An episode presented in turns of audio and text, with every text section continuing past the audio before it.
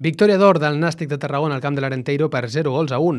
Els granes s'han hagut d'enfrontar al segon millor local de la categoria en una gespa inundada, però el repte ha sortit d'allò més bé pels de Dani Vidal.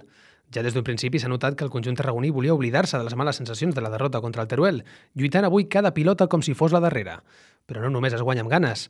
El Nàstic ha creat unes quantes oportunitats per avançar-se en el marcador, però primer el porter rival i després Javi Moreno han evitat que això passés abans del descans.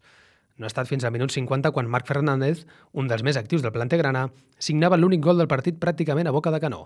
Després del gol, ja tenint en les circumstàncies del terreny de joc, els granes s'han conjurat per defensar el resultat i sortir al contraatac per així sentenciar el duel. No ha estat gens fàcil, ja que l'Arenteiro ha apretat per a mantenir la bona ratxa com a local.